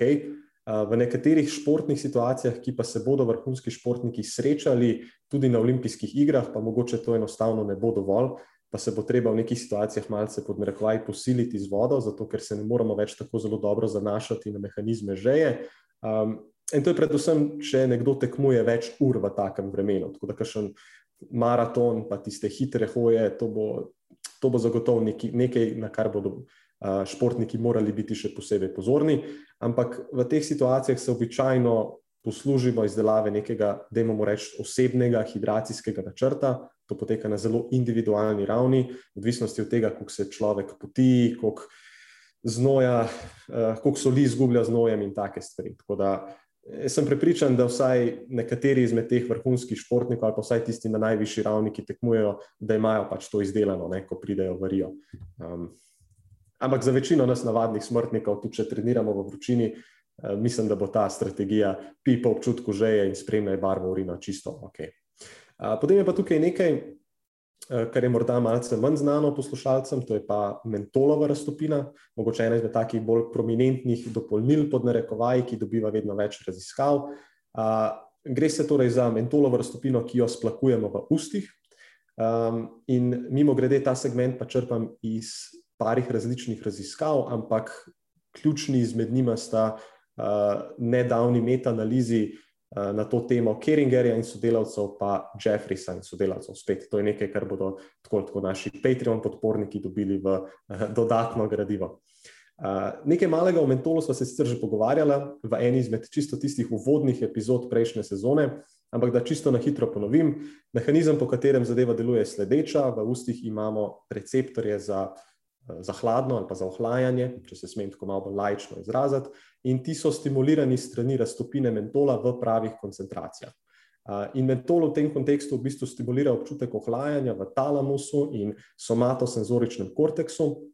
Sicer pa so ti receptori stimulirani tudi ob stiku s temperaturo, ki je nižja od 25 stopinj Celzija, ali pa v prisotnosti nekih kemičnih agonistov, kot je recimo mentol. In to je strategija, ki je koriščena običajno v primeru kakšnih ponovno dalj časa trajajočih vzdržljivostnih dirk na visoki zunanji temperaturi, mogoče pa tudi za kakšne druge tekmovalce v Tokiu, kjer se zelo pogosto lahko zgodi, da imaš recimo na eno tekmo na začetku dneva, pa potem še eno kasneje v dnevu, pa potem še eno. Lahko si predstavljate več četrt finale, eh, pol finale in take stvari. In potem ostajaš na tistem tekmovališču cel dan in se pregrevaš in pregrevaš. Eh, tudi Maja, mislim, da ima prav specifično tako situacijo, kjer ima več, vem, dva ali pa celo tri teke isti dan. Tako da je morda vredno vzeti v obzir v takem situaciji. Ne. Zdaj, kar se običajno naredi pri teh primerih, vzame se um, kristalčke mentola, se lahko kupi in se jih potem raztopi v vodi.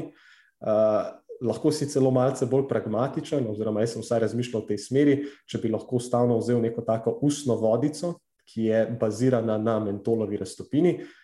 In mogoče bi celo zadevno šlo skozi, zato ker v osnovi potrebuješ raztopino koncentracije nekih nič celih nič ena do nič celih ena odstotka, in listerin v bistvu pade lih nekje na sredino tega ranka.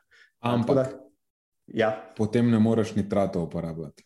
To sem točno to sem hotel omeniti. Da se pravi, čujem. je, v redu, v redu.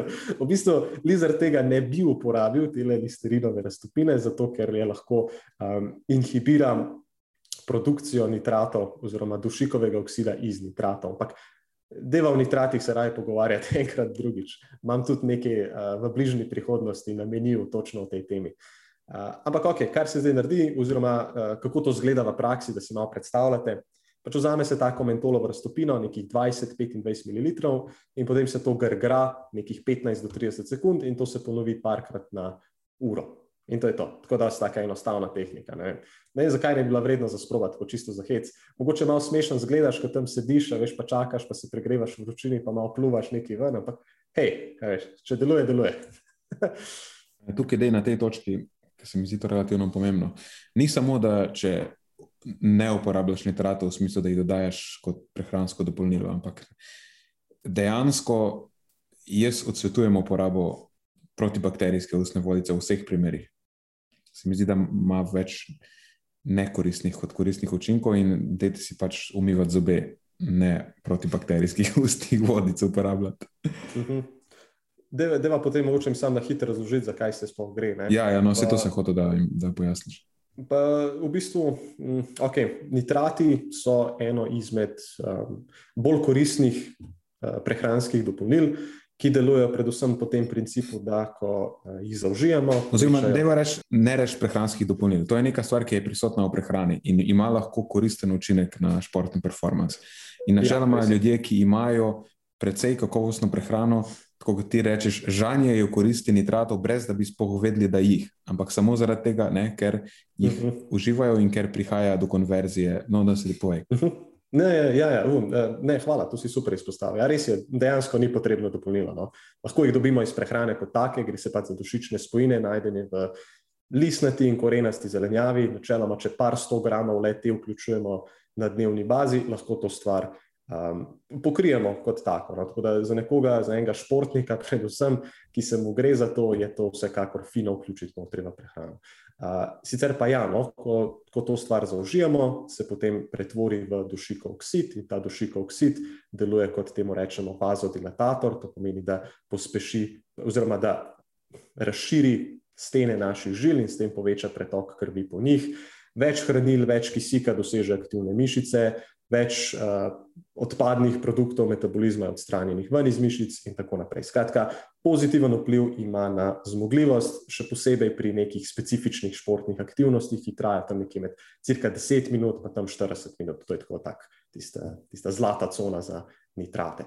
Zdaj pa, pa zakaj so to tudi kupenih signalnih vlog, ki bi lahko bile pomembne za adaptacijo? Tako. tako, tako, absolutno. Um, Tako da zdaj, kje, kje se nekako vklopijo to zgodbo, te ustne raztopinice, uh, oziroma, pardon, ustne raztopine uh, za, za umivanje zob in podobno. Ja, gre se za to, da se presnova teh nitratov začne že v naših ustih. V slini, v naši slini so neke anaerobne bakterije, ki so, če se ne motim, v bistvu kar nekako ključnega pomena za, za nas, ne, kot, kot, kot ljudi. Um, in tam se začne presnova nitratom, in zdaj, če jemljemo, oziroma na redni bazi uporabljamo te ustne vodice, potem dejansko uničimo te bakterije in onemogočamo ustrezno konverzijo nitratov v nadaljni dušikov oksid. Da, zdaj, tudi če ga pojemo dosti iz prehrane, ali pa ok, eventualno, če ga pač dodajamo v obliki dopolnil, ne dobimo pa tistega efekta, ki bi si ga želeli. Tako da, ja, absolutno ne, nadstrinjam se. Raj si umivite zobe, pustite listerine na miru. Ja, je pa to stvar, ki morda ni relevantna samo za športnike. Kot smo rekli, te molekule so dejansko zelo pomembne za zdravje na splošno. In, uh, sicer to ni nekaj, kar lahko potrdimo za 100%, ampak uporaba teh protibakterijskih ustnih vodic v epidemiologiji kaže, kot da bi lahko bila povezana z višjim tveganjem za določene kardiometabolne bolezni oziroma stanja, uh, tudi za diabetes, tipa 2, mislim, da je bila povezana uh -huh. v eni izmed uh, kohort. Tako da vemo, da je mehanizem in vemo, da je povezava. Na podlagi tega sicer ne moremo reči, da te ustne vodice prispevajo k temu, ampak lej, pač povezava je, obstaja možnost. Ja. Te ustne vodice niso neka esencialna stvar za uporabo. Mislim, lahko se tudi, če imaš slab zadah, je bistveno boljša rešitev ta, da si kupiš na ščetko za drgniti jezik. In eh, glih pred kratkim, mislim, zdaj so zašla, oprosti, ker sem ti ograbil to temo, ampak sem dejansko bral. Uh, bral raziskavo o tem, kako so eh, sanirali to, kaj je halitosis, je po angliško, kako se temu reče, slab zadah v bistvu. Ne. Eni so si samo umivali zobe, eni so uporabljali neko ustno vodico, nekaj, eni so si umivali pa drgnili jezik in dejansko je drgnjenje jezika pri tem, da si umivaš zobe. Ne. To pomeni, da dejansko odstraniš te, um, ta biofilm iz jezika. Je najbolj pomemben, če se hočeš znebiti slabega zadaha. Ja, se so tudi delali neko linijo, ali pa mogoče še vedno delajo, nisem prepričan. Um, zobnih ščetk, ne, ki ima na drugi strani prav neko tako krtačko, specifično za jezik. Narejeno, -huh. um, ja, ja, tako, kot, veliko teh ščetk ima to še zmeraj. Ja. Ja.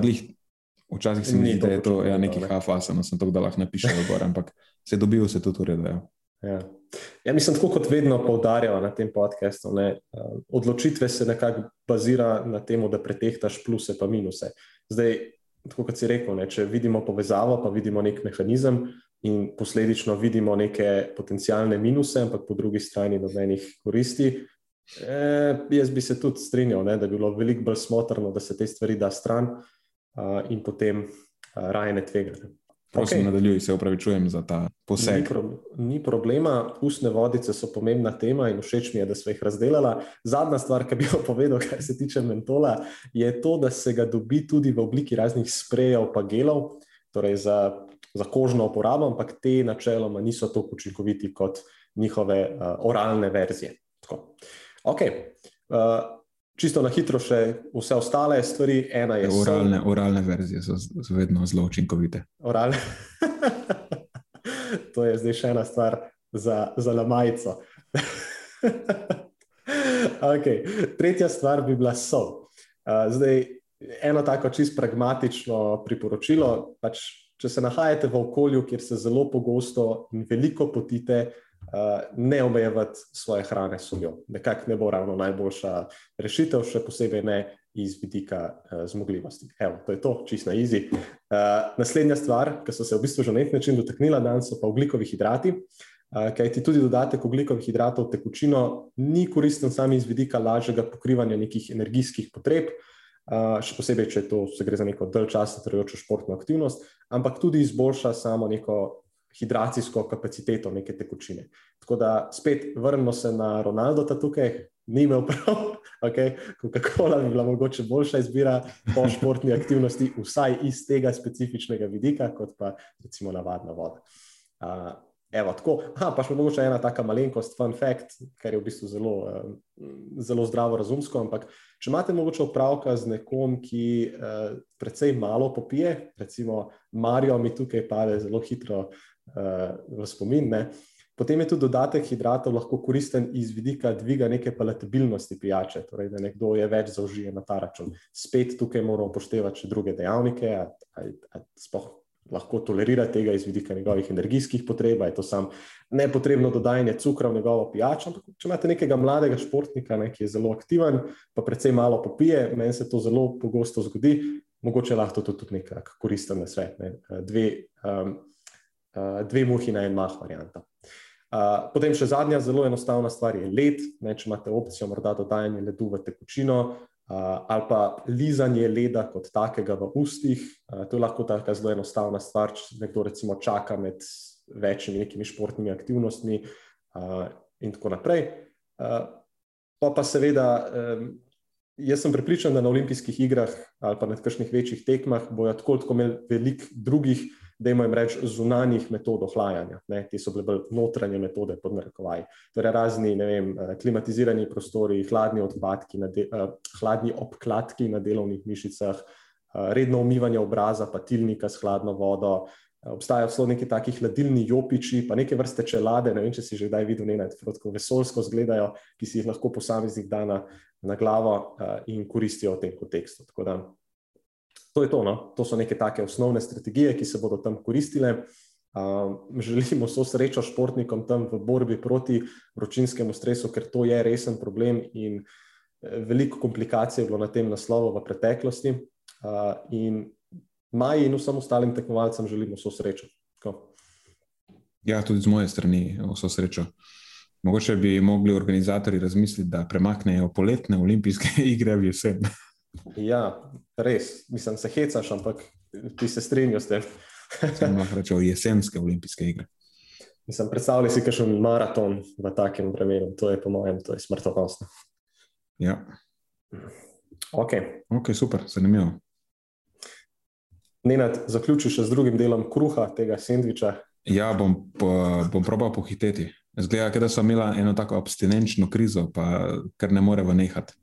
Ja, vse se mi zdelo, da se bo nekaj tajnega zgodilo za prvo epizodo. uh, evo, jaz imam še en v bistvu pregled, bil je objavljen v European Journal of Clinical Nutrition, to je ena izmed malo finih znanstvenih revij.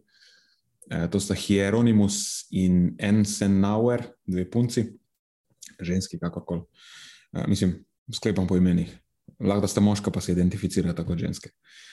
Um, naslov je vpliv materine in očetove telesne mase pred nosečnostjo na izide pri otroku oziroma pri potomcih. E, to je predvsem v smislu telesne mase ali pa tveganja za povišeno telesno maso in razne e, presnovne izide kasneje v življenju.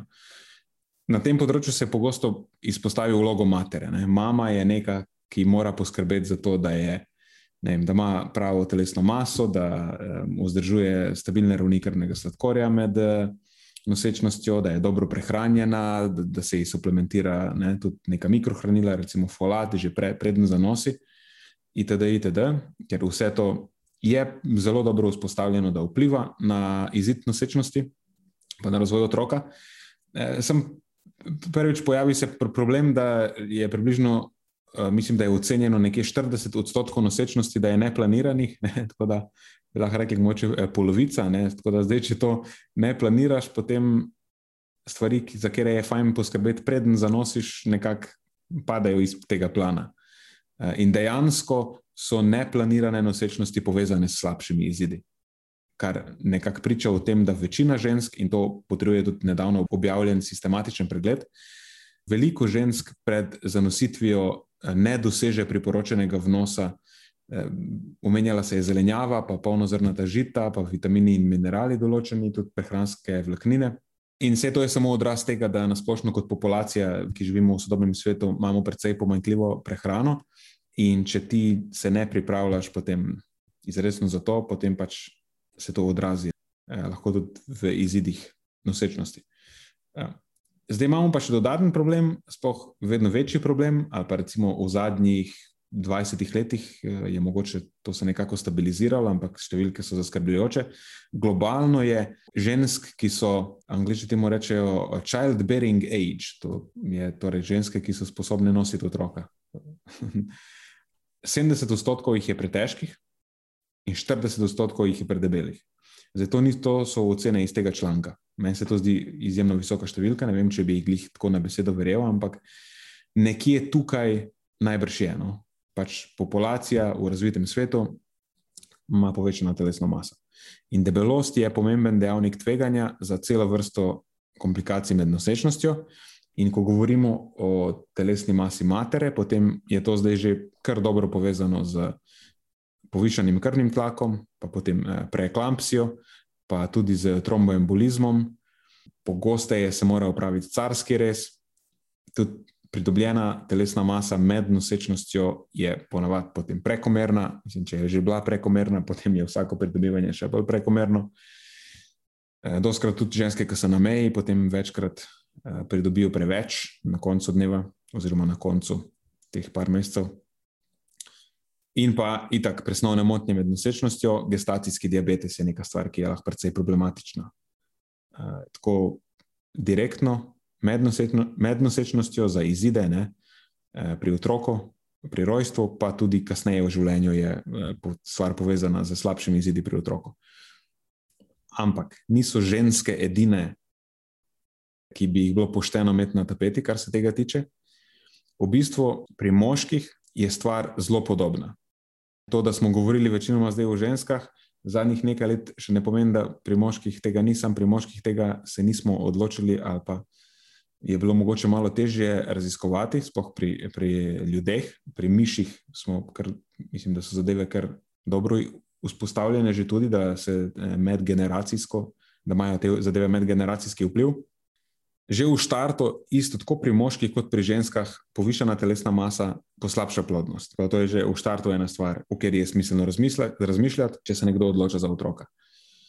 Potem pa, tako kot pravim, tudi pri moških je stvar zelo podobna. Tudi moški morajo poskrbeti za to, v kakšnem stanju so, ko, ko, ko delajo otroka ali pa se spravljajo k temu, ker je eh, dejansko sperma prispeva polovico genetskega materiala in telesna masa je nekaj, kar vpliva na kakovost spermijev, podobno na, kot na kakovost jajčica. In obstaja več mehanizmov, primarno so to epigenetski mehanizmi. Ne. To ne pomeni, da se ta genetski material spremeni v smislu, da ne prav na, na ravni DNA-ja, da se zaporedje baz spremenja, ampak gre za neke spremembe po vrhu. Po vrhu tega DNA, ne, temu rečemo polmetilacija, pa acetilacija, eni geni postanejo bolj dostopni, eni manj dostopni. Uh, oziroma obratno, eni manj dostopni, eni bolj dostopni in se izražajo bolj ali pa manj. Prihaja tudi do različne ekspresije mikroRNA, ampak se ni relevantno. Gre samo za to, da to, kar oče počne, preden naredi otroka, ali pa preden ne, se ti spermiji uh, producirajo, bo, ali pa v kakšnem stanju je predtem, bo vplivalo na njegovega otroka. In ti vplivi niso zanemarljivi. Najbrž niso tako močni kot v primeru ženske, ker jajčice je še vsem prispeva malo več, plus otrok se potem dejansko razvija v okolju, ki je njegova mama, moški sam pač prispeva en spermi, pa polovico genetskega materiala, ki je v tem spermiju. Ampak uh, mislim, da je trenutno neka taka ocena, to je bolj tako. To ni neka zelo natančna ocena, ampak nekako se predpostavlja, da stanje moškega je ena tretjina, stanje ženske potem dve tretjini prispeva k. Uh, neki te ne, ne, ne glih prognozi, ampak k tveganjem za različna stanja, potem, ko se otrok rodi. Ne. In telesna masa je en zelo pomemben dejavnik znotraj tega. Zdaj, če bi koga zanimale specifične številke, težko je podati konkretna priporočila, ker spet odvisno, koliko pa imaš prekomerne telesne mase. Ne. Ampak za nekoga, ki je recimo predebel, pa tam okoli, eh, ki ima indeks telesne mase okoli 30, ker se jim res svetuje, da izgubijo, preden eh, pač zanosijo, je 6,5 kg, nekaj, kar je že povezano z zelo relevantnimi ugodnimi učinki. Ne? Oziroma, to je nekje pod 7 odstotkov telesne, telesne mase. Še malo več, lahko imaš dodatne koristne učinke. Edino, na kar je tukaj potrebno potem upozoriti, je pač. Pojavi se nevarnost nezadostnega vnosa, spohaj če je nekaj hranil, ne, tudi lahko konkretno nizek vnos ugljikovih hidratov, ki je povezan z slabšimi izidi, to smo v eni izmed prejšnjih epizod obdelali. Je pa tudi mogoče še večja nevarnost iz naslova pomanjkljivega vnosa nekih mikrohranil.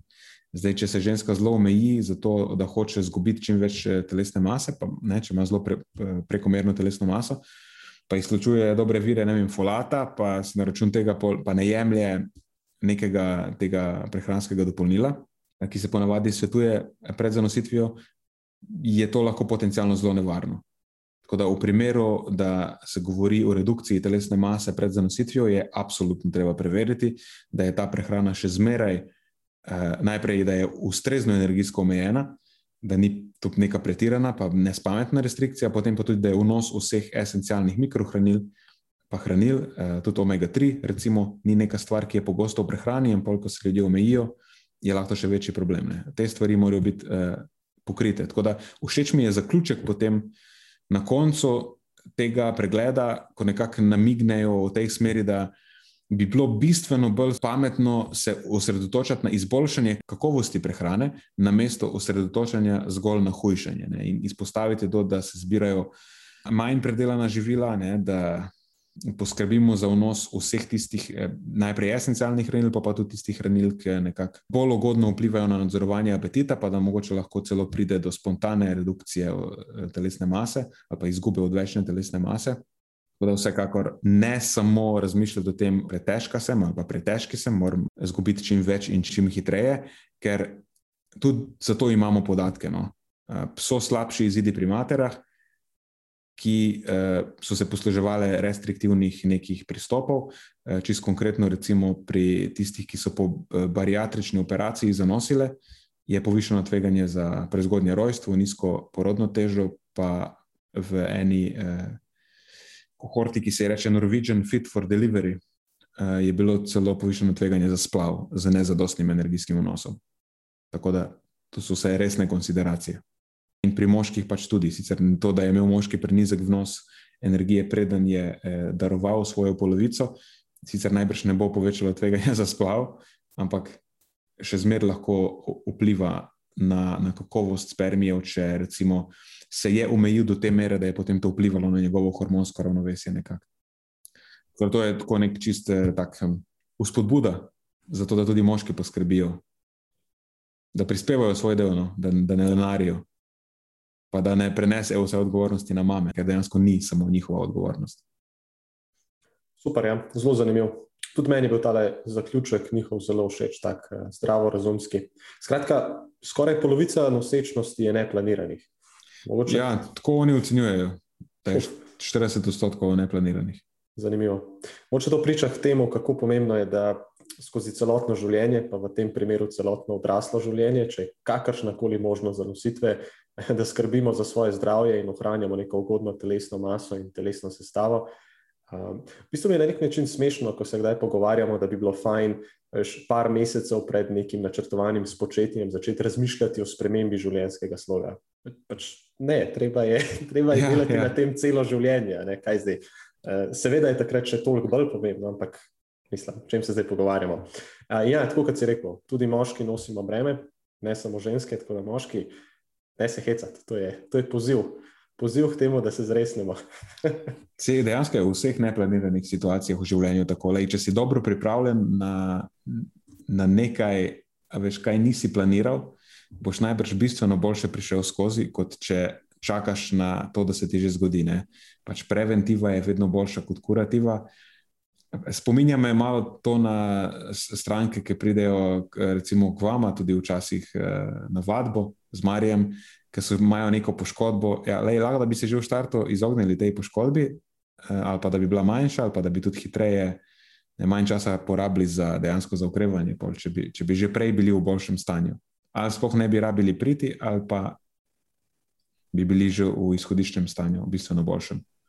Absolutno. Absolutno se strinjam. In ravno pred kratkim smo imeli v bistvu tak primer. En gospod, ki z Marijo sodeluje Seveda se mi zdaj tudi opet v to, ampak eh, konkretno z Marijem že devet let. Eh, prvič ga je pripeljala sem poškodba in operacija, po kateri je trajalo kar nekaj mesečno okrevanje. Eh, potem pa si je pred kratkim imel neke podobne težave, je tudi sledila operacija, ampak glede ga zlomka, tokrat je okrevanje trajalo tako.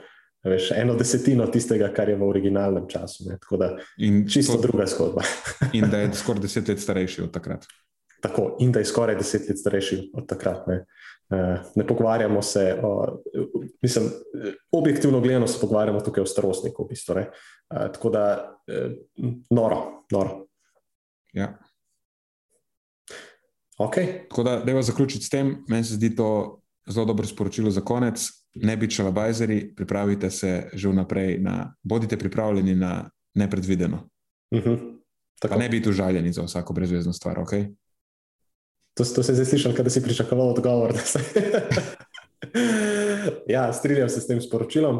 Uh, tako bom rekel, Nena, Tina mi je prišepnila, da si je zaželela en 4 ure dolg podcast. Žal, to nama ne bo uspelo, ampak nekje na polovičko tega pa mislim, da smo prišla.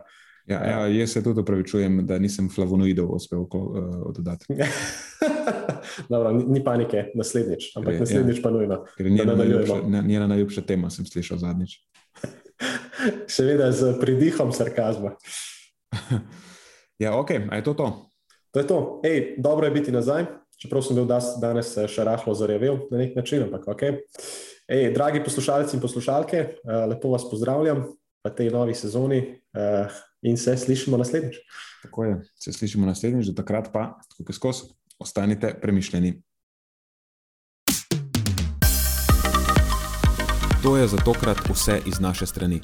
Hvala, ker ste poslušali do konca. Delite epizodo s svojimi znanci in prijatelji in jo priporočajte dalje, saj s tem omogočite, da sporočilo znanost dobrega počutja doseže čim večjo množico. Hvala vsem, ki nas podpirate s članarino in tudi vsem ostalim, ki delite podcast dalje in nam izkazujete naklonjenost z visokimi ocenami in pozitivnimi komentarji. Se slišimo prihodnjič, do takrat pa ostanite premišljeni.